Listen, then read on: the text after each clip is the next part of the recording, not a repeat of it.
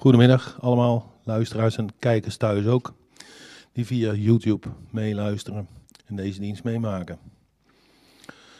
Vanmiddag zal in deze dienst voorgaan dominee Buitendijk. Hartelijk welkom dominee.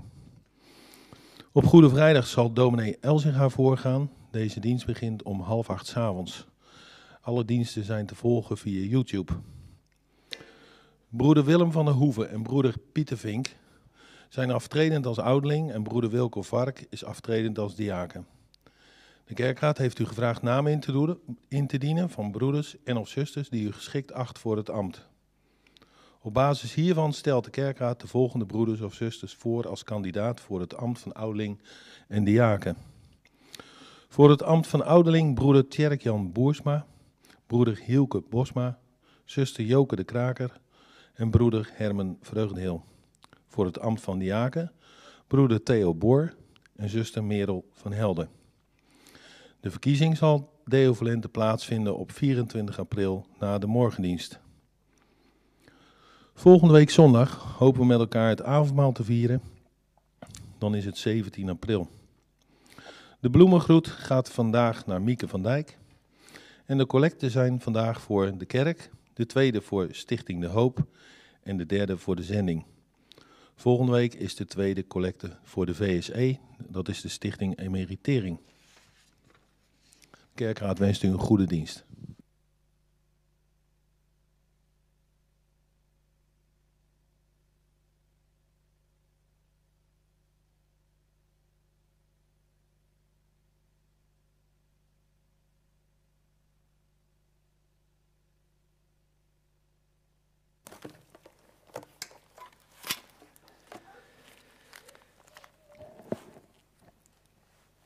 We mogen ons toewijden aan de Heere God, naar zijn Zoon Jezus Christus, door de Heilige Geest, samen in de naam van Jezus.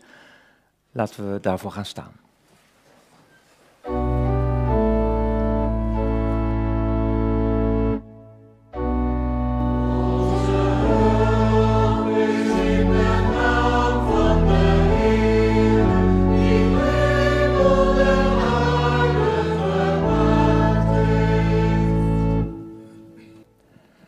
Genade zij u en vrede van hem die is, die was en die komt.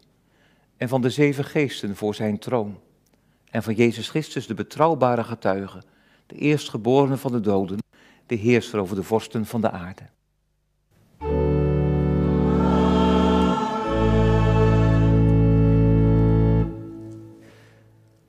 Wij zingen Psalm 5, vers 1, 2, 3 en 5.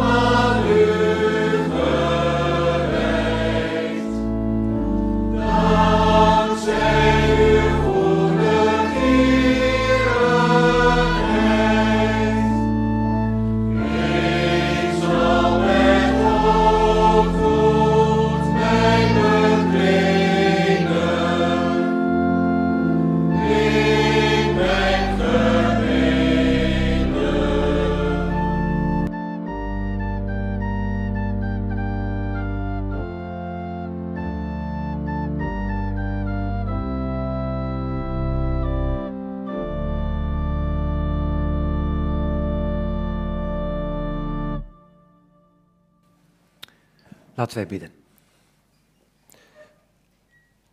Onze Vader in de hemel, we danken u dat wij hier deze middag kunnen zijn om ook nu weer na te denken over de weg die onze Heer Jezus Christus is gegaan.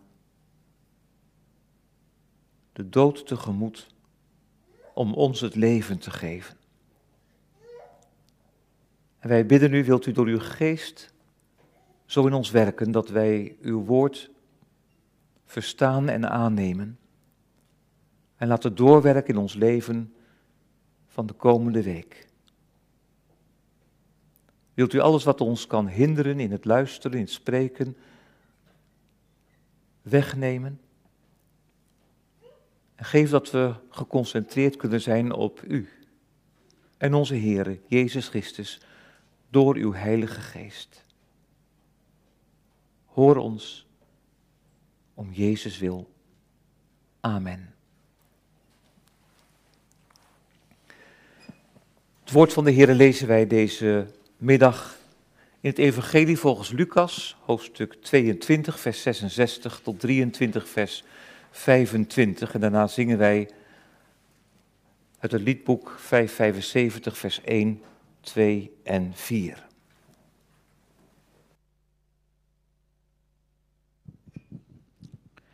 Toen het dag werd, kwam de raad van de oudsten van het volk bijeen, hoge priesters zoals schriftgeleerden, en ze leidden hem voor in hun raadszitting. Ze zeiden, als u de Messias bent, zeg het ons dan. Maar Jezus antwoordde, als ik het u zeg, gelooft u mij toch niet. En als ik een vraag stel, antwoordt u toch niet. Maar vanaf nu zal de mensenzoon gezeten zijn aan de rechterhand van de Almachtige. Toen zeiden alle, u bent dus de zoon van God. Hij antwoordde, u zegt dat ik het ben. Ze zeiden, waarvoor hebben we nog een getuigenverklaringen nodig? We hebben het immers zelf uit zijn eigen mond gehoord. Ze stonden allen op en leidden hem voor aan Pilatus. Daar brachten ze de volgende beschuldigingen tegen hem in. We hebben vastgesteld dat deze man ons volk van het rechte pad afbrengt en de mensen ervan weerhoudt belastingen aan de keizer te betalen en dat hij van zichzelf zegt de Messiaanse koning te zijn. Pilatus vroeg hem, bent u de koning van de Joden? Jezus antwoordde, u zegt het. Daarop zei Pilatus tegen de hoge priesters en de samengescholden, menigte, ik vind niets waaraan deze man schuldig is. Maar ze bleven hardnekkig beweren, in heel Judea ruit hij met zijn onderricht het volk op, van Galilea tot hier. Toen Pilatus dit hoorde, vroeg hij aan Jezus of hij uit Galilea kwam. En toen hij besefte dat hij onder Herodes gezag viel, stuurde hij hem naar Herodes, die op dat moment in Jeruzalem verbleef. Herodes was bijzonder blij toen hij Jezus zag, want hij wilde hem al heel lang ontmoeten, omdat hij veel over hem gehoord had. Bovendien hoopte hij hem een wonder te zien doen. Hij ondervroeg hem uitvoerig. Maar Jezus antwoordde hem niet één keer. De hoge priesters en de schriftgeleerden die erbij stonden, brachten zware beschuldigingen tegen hem in. Hierop, hierop begonnen Herodes en zijn soldaten Jezus te honen. En ze dreven de spot met hem door hem een pronkgewaad om te hangen. Zo stuurde hij hem terug naar Pilatus. Op die dag werden Herodes en Pilatus vrienden, terwijl zij altijd elkaars vijanden waren geweest. Pilatus riep de hoge priester en de leiders en het volk bij zich en zei tegen hen: U hebt die man voor mij gebracht als iemand die het volk van het rechte pad afbrengt. Maar u weet dat ik hem, toen, hij, toen ik hem in uw bijzijn verhoorde, aan geen van de zaken waarvan u hem beticht schuldig heb bevonden. En Herodes evenmin. Hij heeft hem immers naar ons gestuurd. Hij heeft niets gedaan waarop de doodstraf staat. Dus zal ik hem vrijlaten, nadat ik hem, hem heb laten geestelen. Maar ze begonnen met z'n allen luidkeels te schreeuwen: Weg met hem, laat Barabbas vrij. Deze laatste was gevangen gezet wegens een oproer in de stad, een oproer dat in de stad had plaatsgevonden en wegens moord. Pilatus praatte opnieuw op hen in, omdat hij Jezus wilde vrijlaten. Maar ze schreeuwden het uit: Kruisig hem, kruisig hem. Voor de derde maal zei hij tegen hen: Wat voor kwaad heeft die man dan gedaan? Ik heb niets gevonden waarvoor hij de doodstraf verdient. Dus zal ik hem vrijlaten nadat ik hem heb laten geestelen. Maar ze bleven luidkeels eisen dat hij gekruisigd zou worden. En met hun geschreeuw wonnen ze het pleit. Pilatus besloot hun eis in te willigen. Hij liet de man gaan die wegens oproer en moord gevangen was gezet en om wiens vrijlating ze hadden gevraagd, en leverde Jezus uit aan hun willekeur.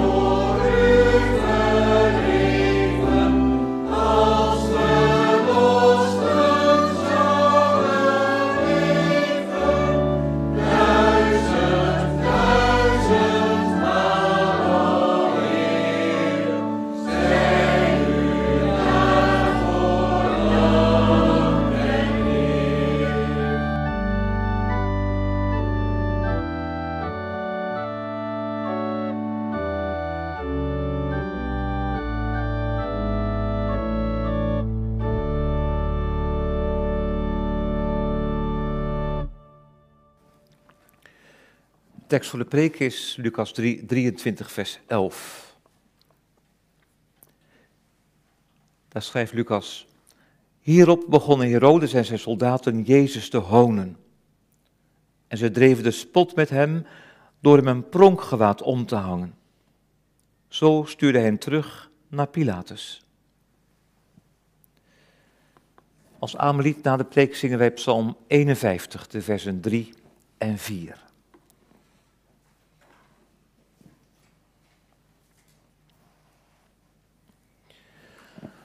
Geliefde gemeente van onze Heer Jezus Christus, broeders en zusters, jongens en meisjes. Het is vandaag Palmpasen. Precies een week voor Pasen deed de Heer Jezus intocht in Jeruzalem. In sommige streken van ons land wordt dat op een bijzondere manier gevierd. Kinderen lopen rond met een palmpaas. Dat is een stok die versierd is. Er hangen vijgen aan en slingers, snoep, vlaggetjes, bloemen en geschilderde eieren. En bovenop staat een handje van brood. Kinderen en hun ouders gaan in optocht door de straten achter de muziek aan. Een vrolijk gebeuren ontstaan uit een soort naspelen van de intocht in Jeruzalem. Op die dag haalde enthousiaste menigte de Heer Jezus binnen.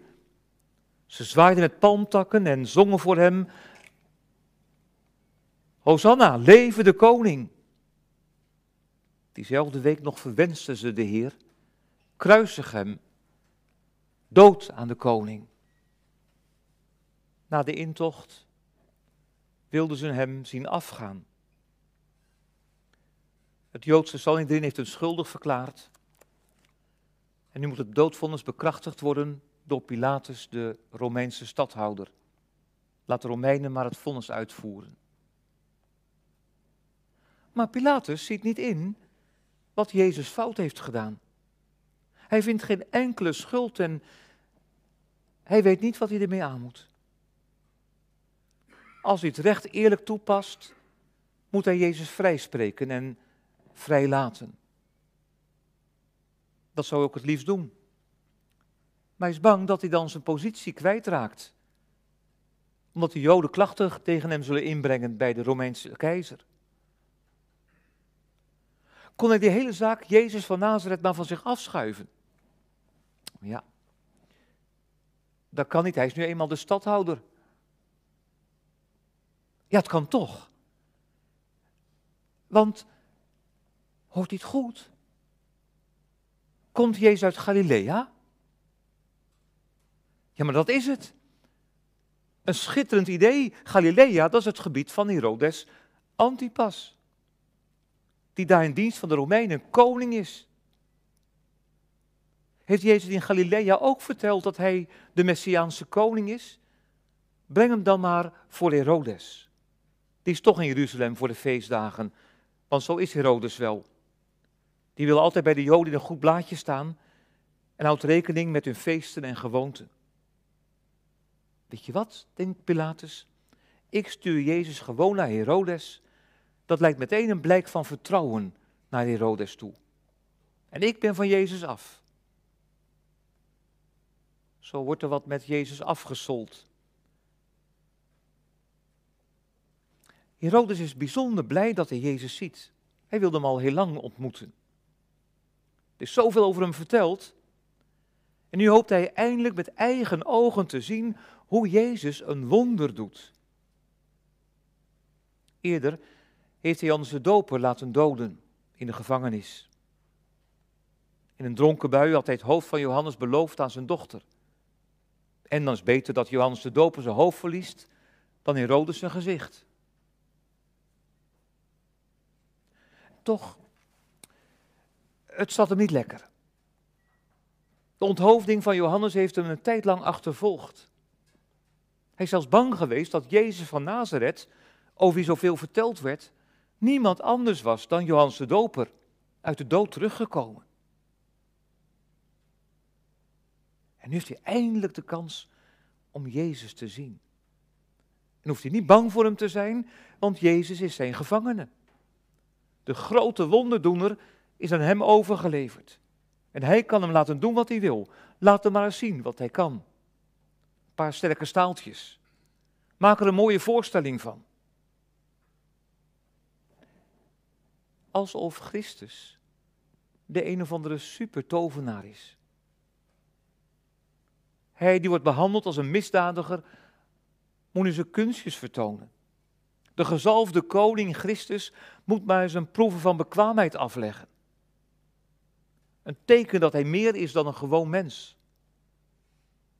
En net als de Joden wil Herodes niet geloven, hij moet zien.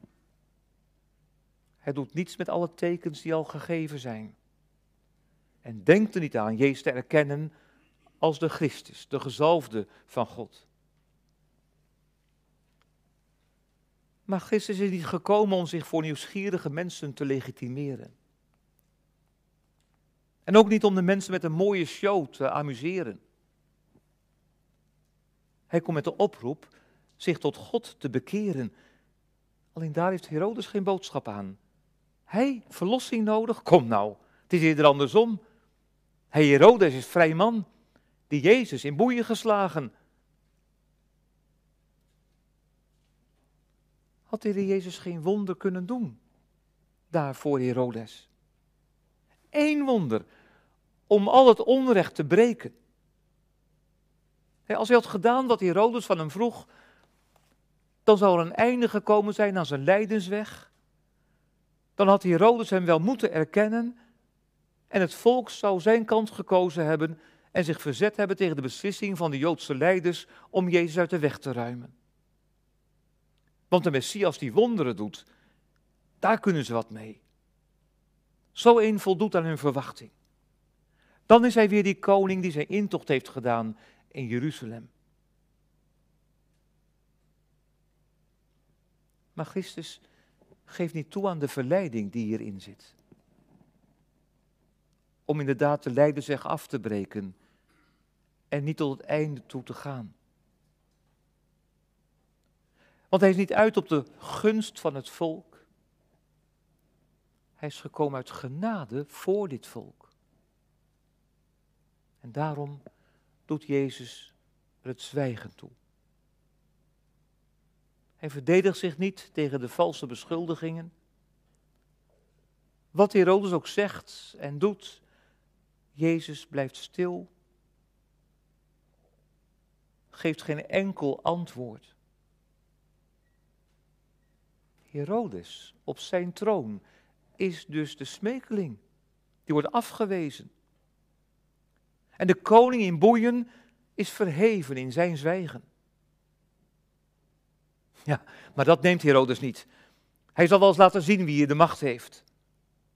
Hij kijkt naar Jezus en ziet een lijdende, vermoeide, besmeurde, bloedende man. Wat stelt hij Jezus nou helemaal voor? Moet hij bang zijn voor zo'n hulpeloze, lachwekkende figuur? dus beginnen Herodes en zijn mannen Jezus te honen. Ze verachten hem, vinden hem een nul, een nietsnut. Herodes en zijn lijfwacht spelen een spel met hem en doen alsof hij inderdaad een koning is. Ze doen hem een pronkgewaad aan en zo stuurt Herodes hem terug naar Pilatus. In een pronkgewaad. Een schitterend kleed. Lucas is de enige die dit vertelt. De andere evangelisten vertellen ook hoe Jezus een mantel omkrijgt, een spotkleed, zogenaamd een koningsmantel. Hij is toch de koning der Joden? Maar Matthäus, Marcus en Johannes zeggen dat de soldaten van Pilatus dat deden. Lucas heeft over Herodes en zijn lijfwacht. De soldaten van Pilatus drukken ook nog eens een kroon van doorntakken op het hoofd van Jezus en geven hem een rietstok in de hand. Dat gebeurt niet bij Herodes. En dan nog een verschil met de andere evangeliën. Matthäus schrijft over een scharlakenrode mantel. En Marcus en Johannes hebben het over een purperen gewaad. Romeinse soldatenmantels die waren van rood scharlaken. En purper was een dure stof waar alleen voorname mensen mee liepen. Dus wat gebeurde daar voor Pilatus? Ze doen daar Jezus een rode scharlaken soldatenmantel om, alsof het een purperen koningsmantel is. En spottend gaan de soldaten van Pilatus op de knieën en ze zeggen, gegroet koning der Joden. Maar hier in Lucas gaat het niet over een mantel die rood is. In de MBV lezen we een pronkgewaad. Maar dat mag wel wat preciezer. Er staat een schitterend kleed. En dat woord schitterend, dat betekent helder wit. blinkend zilverwit, in het Grieks lampros. Daar komt ons woord lamp vandaan. Een lamp schijnt. Het gaat om een mantel die zo wit is, zo zilverwit, dat die straalt, dat die schittert, blinkend wit. Zulke gewaden droeg Herodes zelf. Want de koning in Israël, die droegen een heldere witte mantel. En de mantel van Herodes Agrippa, een broer van koning Herodes, was wit met zilverdraad er doorheen. Een ooggetuige vertelt daarover. Agrippa ging gekleed in een gewaad dat helemaal gemaakt was van zilver. Het was een wonder van weefkunst. Het glansde en flonkerde als was het een wonder. De toeschouwers kost de grootste moeite ernaar te kijken. Ja, want dat is wat de Herodesen doen. Ze kleden zich in stralend wit, want ze zijn erop gebrand, zelf afkomstig uit Edom, nakomelingen van Esau, om over te komen als echte Joodse koningen, nakomelingen van Jacob. En daarom is Herodes Antipas er ook nu zo op uit om Jezus diep te vernederen en intens te bespotten. Jij, koning der Joden, we zullen het zien. En dan pakt Herodes zo'n blinkend wit kleed, slaat om Jezus heen en ze gieren van het lachen. De koning der Joden. Ze maken er een vertoning van. Maar zonder dat Herodes en de soldaten beseffen, geeft God hier een aanwijzing. Door die witte, schitterende mantel leert Hij ons zien wie Jezus werkelijk is. En wie is Jezus dan? Nou, Jezus is de koning der Joden. Als er één die titel waard is, dan is, het dat, is dat Jezus. Hij is uit de stam Juda. Hij komt uit het koningshuis van David. Hij heeft wettelijk recht op de troon. En God heeft hem gezonden als de koning van Israël, het volk van God. Als wij bij God willen horen, als wij vandaag bij God willen horen, dan kunnen wij niet om Jezus heen, de door God gegeven koning. En dat betekent voor ons vandaag dat wij Hem eerbiedig erkennen als onze Heer en Koning, die te zeggen heeft over heel ons leven. Pilatus en Herodes sollen met Jezus. Zo wordt er vandaag nog steeds met Jezus gesold, een spel gespeeld. Best interessant zo'n figuur. Een indrukwekkend verhaal dat leidde van hem. Maar dat hij nu de koning is, de Heer, die recht heeft op onze eer, we doen nog wel de passion, maar ondertussen vloeken we. Of je zegt, Jezus is Heer, maar je lapt zijn geboden aan de laars. Maar dat kan niet. Als je niet naar hem wil luisteren, als hij niet de Heer van je leven mag zijn, dan is je geloof niet echt. Jezus is koning. En wie hem leert kennen in zijn blinkend witte kleed, die valt op de grond in diepe eerbied. Je wilt hem dienen en gehoorzamen. En bij elke beslissing in je leven vraag je, Heer, wat wilt u dat ik doen zal? Hoe kan ik nou het beste mijn liefde voor u laten zien in mijn leven?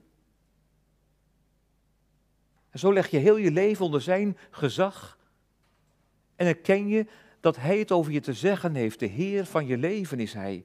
Of het nou gaat om je geldbesteding, je tijd, je relaties, je studiekeuze, de keuze van je partner, je werk. Elke keer vraag je nederig, Heer Jezus, wat wilt u dat ik doen zal?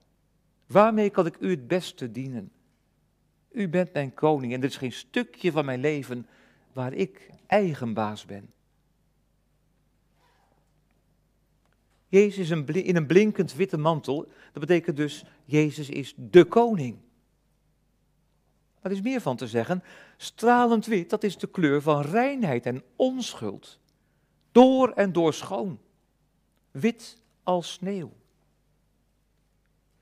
In Jezaja 1 vers 18 lezen we hoe de Heer tegen zijn volk zegt. Al zijn je zonden rood als scharlaken, Ze worden wit als sneeuw. Al zijn ze rood als purper, ze worden wit als wol. En zo zegt de Heer, als je naar mij wilt luisteren, dan, dan verander ik je leven. Het was scharlakenrood door je fouten en je zonden. Maar ik maak je weer wit als sneeuw, blinkend wit. Van rood naar wit. Jezus krijgt bij Herodes een schitterend wit kleed om. En dan wordt hij teruggebracht naar Pilatus. Hij wordt veroordeeld en krijgt onze schouders een mantel rood als scharlaken. Het gaat bij Jezus dus van wit naar rood. Jezus, de volmaakte, de onschuldige, de volledig reine. Hij neemt onze zonden op zijn schouders. Hij draagt onze schuld. En zonder dat hij het beseft, maakt Herodes duidelijk wie Jezus is. Hij is de rechtvaardige. Herodes zegt niet met woorden. Maar het lijkt wel of hij een uitspraak over Jezus wil vermijden. Hij zendt de gedaagde weg in een witte mantel, wit, teken van onschuld. Pilaat heeft al gezegd tegen de hoge priester en de samengeschoolde menigte: Ik vind niets waaraan deze man schuldig is. En dat herhaalt Pilatus als Jezus opnieuw bij hem is gebracht. Ik vind geen schuld in hem. En Herodes ook al niet. Kijk maar hoe hij Jezus daarmee heeft teruggestuurd. Hij heeft niets gedaan wat op de doodstraf staat, deze Jezus. Hij is onschuldig.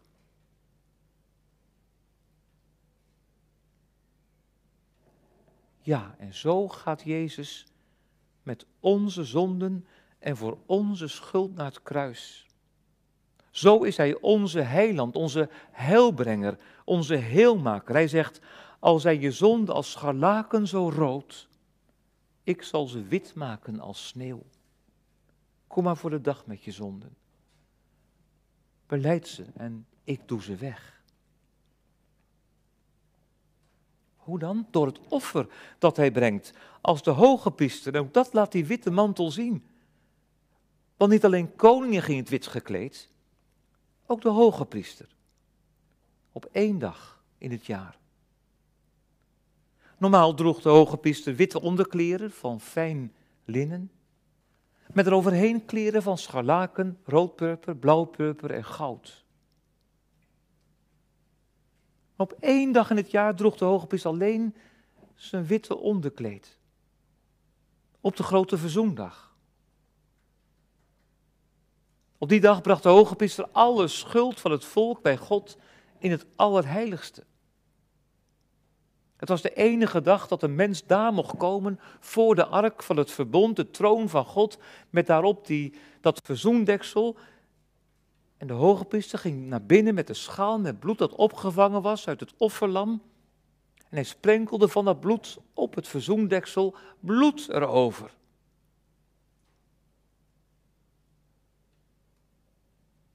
Zo stond hij daar, de hoge priester, in het wit. Hier staat Jezus. In het wit. Hij is de koning van Israël en tegelijk de hoge priester van zijn volk. Onze hoge priester. Hij heeft onze schuld voor God gebracht in het hemels heiligdom, voor de troon van de genadige. En daar bidt hij voor ons als de trouwe hoge priester. Hij smeekt bij zijn vader om genade voor ons, om redding en leven. Op grond van het bloed dat hij heeft gestort.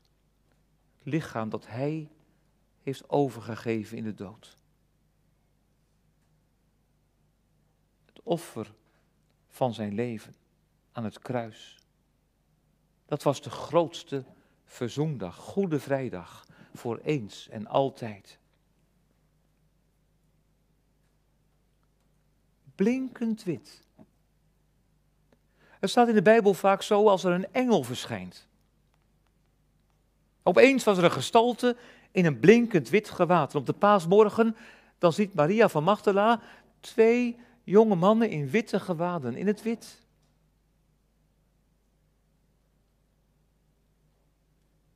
Boden van God, engelen uit de hemel.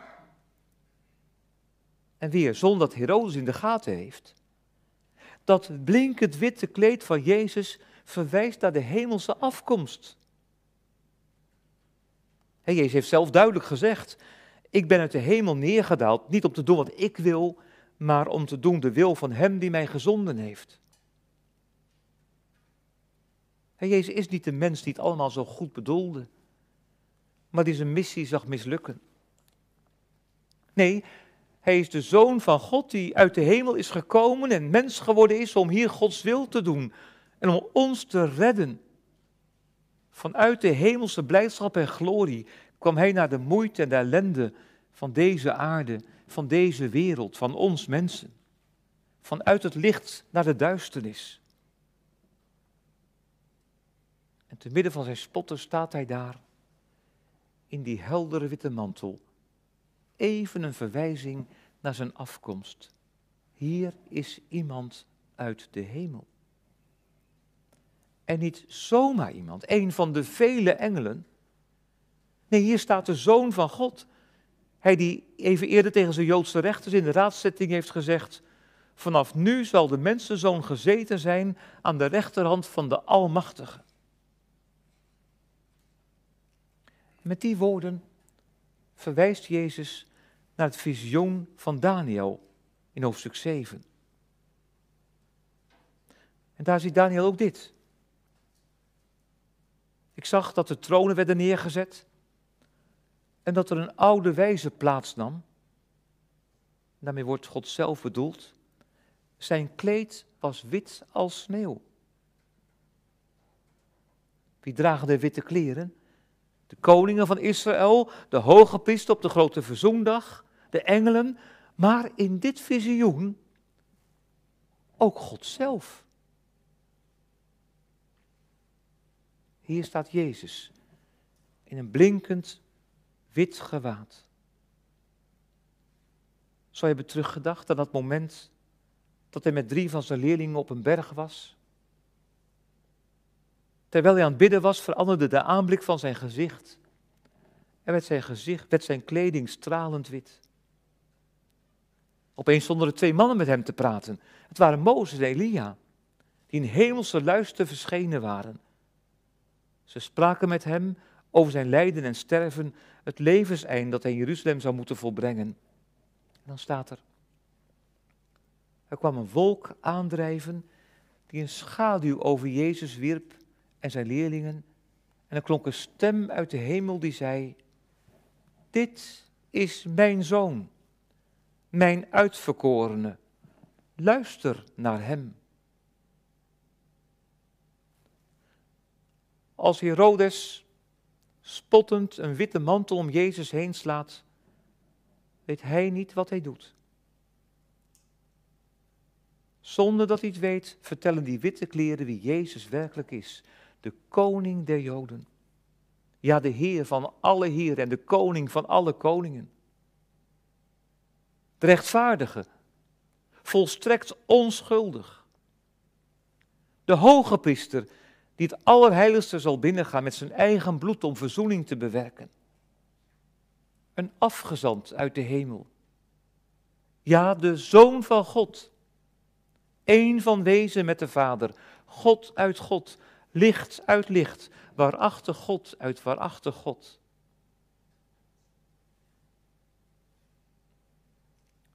Jezus wordt in zijn witte kleed naar Pilatus teruggebracht. Om veroordeeld te worden.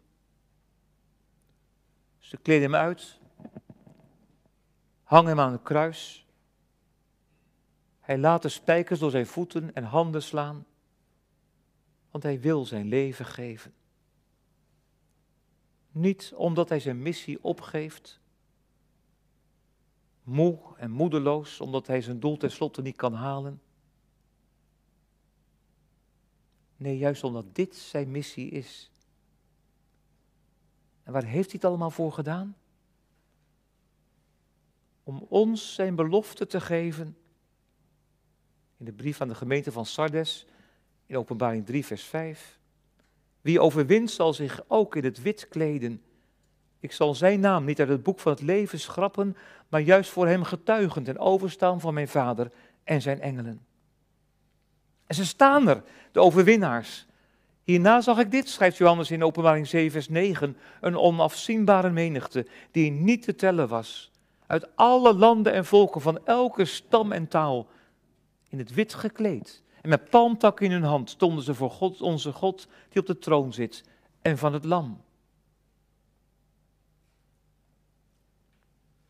Dat is het vergezicht, waar het witte kleed van de leidende Jezus al naar wijst. Een menigte die niemand tellen kan in witte gewaden als overwinnaars. Zie je hem in gedachten? Daarvoor Herodes? Jezus bekleed met een witte mantel. Een mantel vol majesteit. Daar stond hij voor u en voor jou en voor mij. Zie hem in gedachten staan?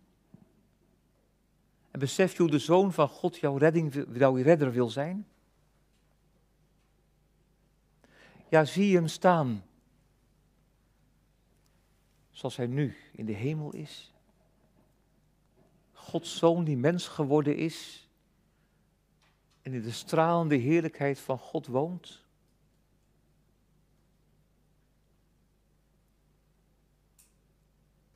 Buig voor Hem. Zie naar Hem uit, want eens komt Hij op de wolken zijn volle luister. Bid dat Heilige Geest in je wil werken en dat je de diepe vrede mag kennen die Jezus geeft, wat er ook gebeurt. Je mag uitzien naar de dag dat de koning zal verschijnen. En je zult hem zien met je eigen ogen, je Heer. Je koning. Je redder. De zoon van God, stralend in zijn liefde, schitterend in majesteit, gehuld in een blinkend koninklijk kleed. Amen.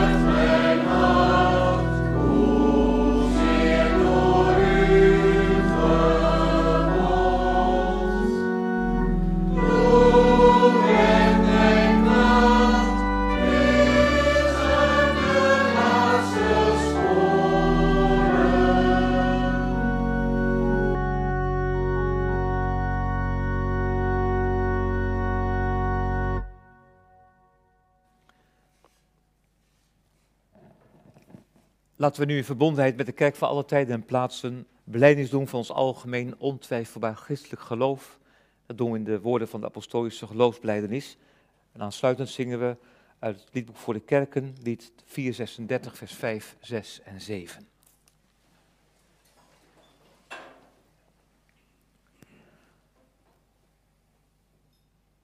Laat ieder bij zichzelf met mij van harte instemmen. Ik geloof in God de Vader, de Almachtige, Schepper van de hemel en de aarde. En in Jezus Christus, zijn enige geboren Zoon, onze Heer.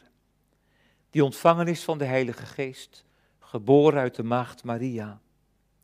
Die geleden heeft onder Pontius Pilatus, is gekruisigd, gestorven en begraven, neergedaald in de hel. Op de derde dag opgestaan uit de doden opgevaren naar de hemel en zit aan de rechterhand van God, de Almachtige Vader. Vandaar zal hij komen om te oordelen de levenden en de doden. Ik geloof in de Heilige Geest. Ik geloof een heilige, algemene, christelijke kerk, de gemeenschap der heiligen. Vergeving van de zonden, opstanding van het vlees en een eeuwig leven.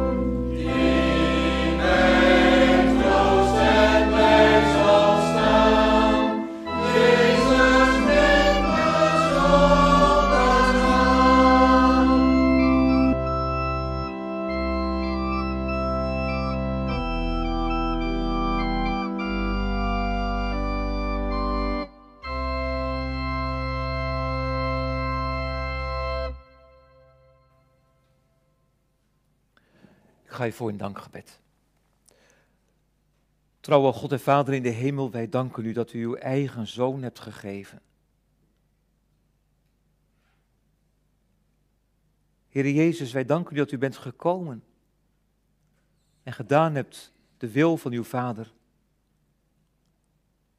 En heel die weg gegaan bent van lijden en sterven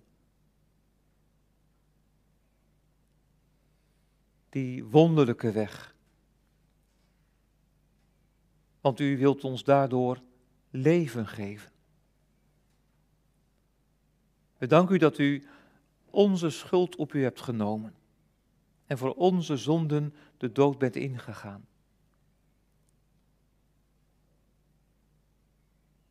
U wilde dat. Heel bewust. Het overkwam u niet.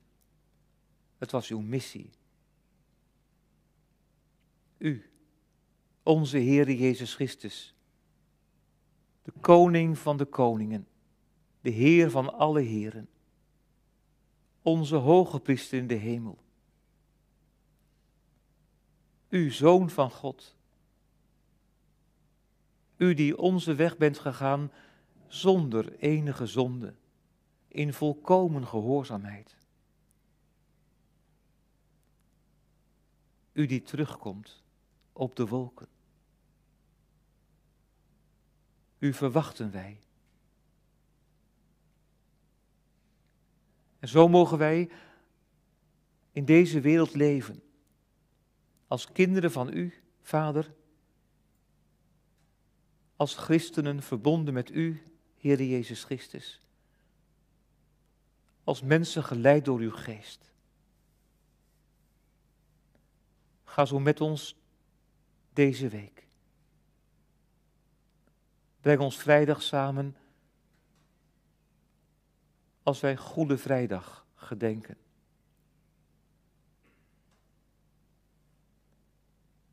En doe ons zo naar Pasen toe leven. Als mensen die in de ruimte zijn gezet.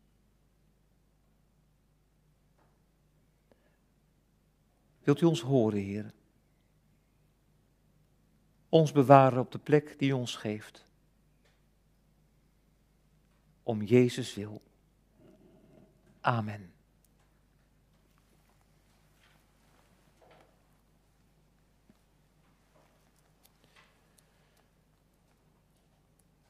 Dat is nu het moment van de inzameling van de gaven. Mogen de Heer de gaven zegenen.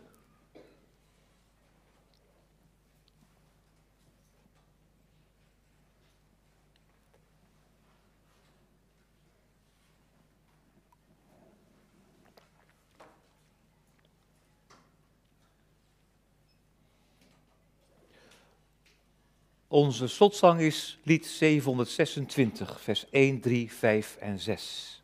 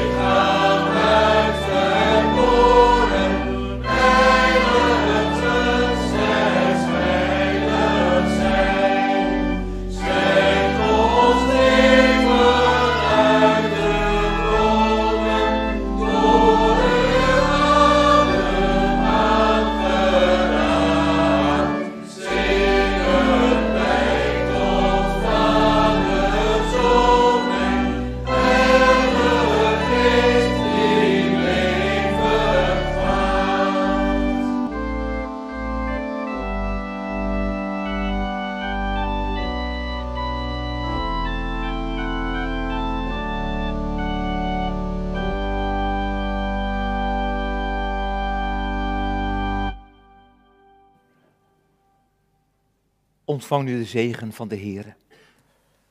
De genade van de Heer Jezus Christus en de liefde van God en de gemeenschap van de Heilige Geest zij met u allen.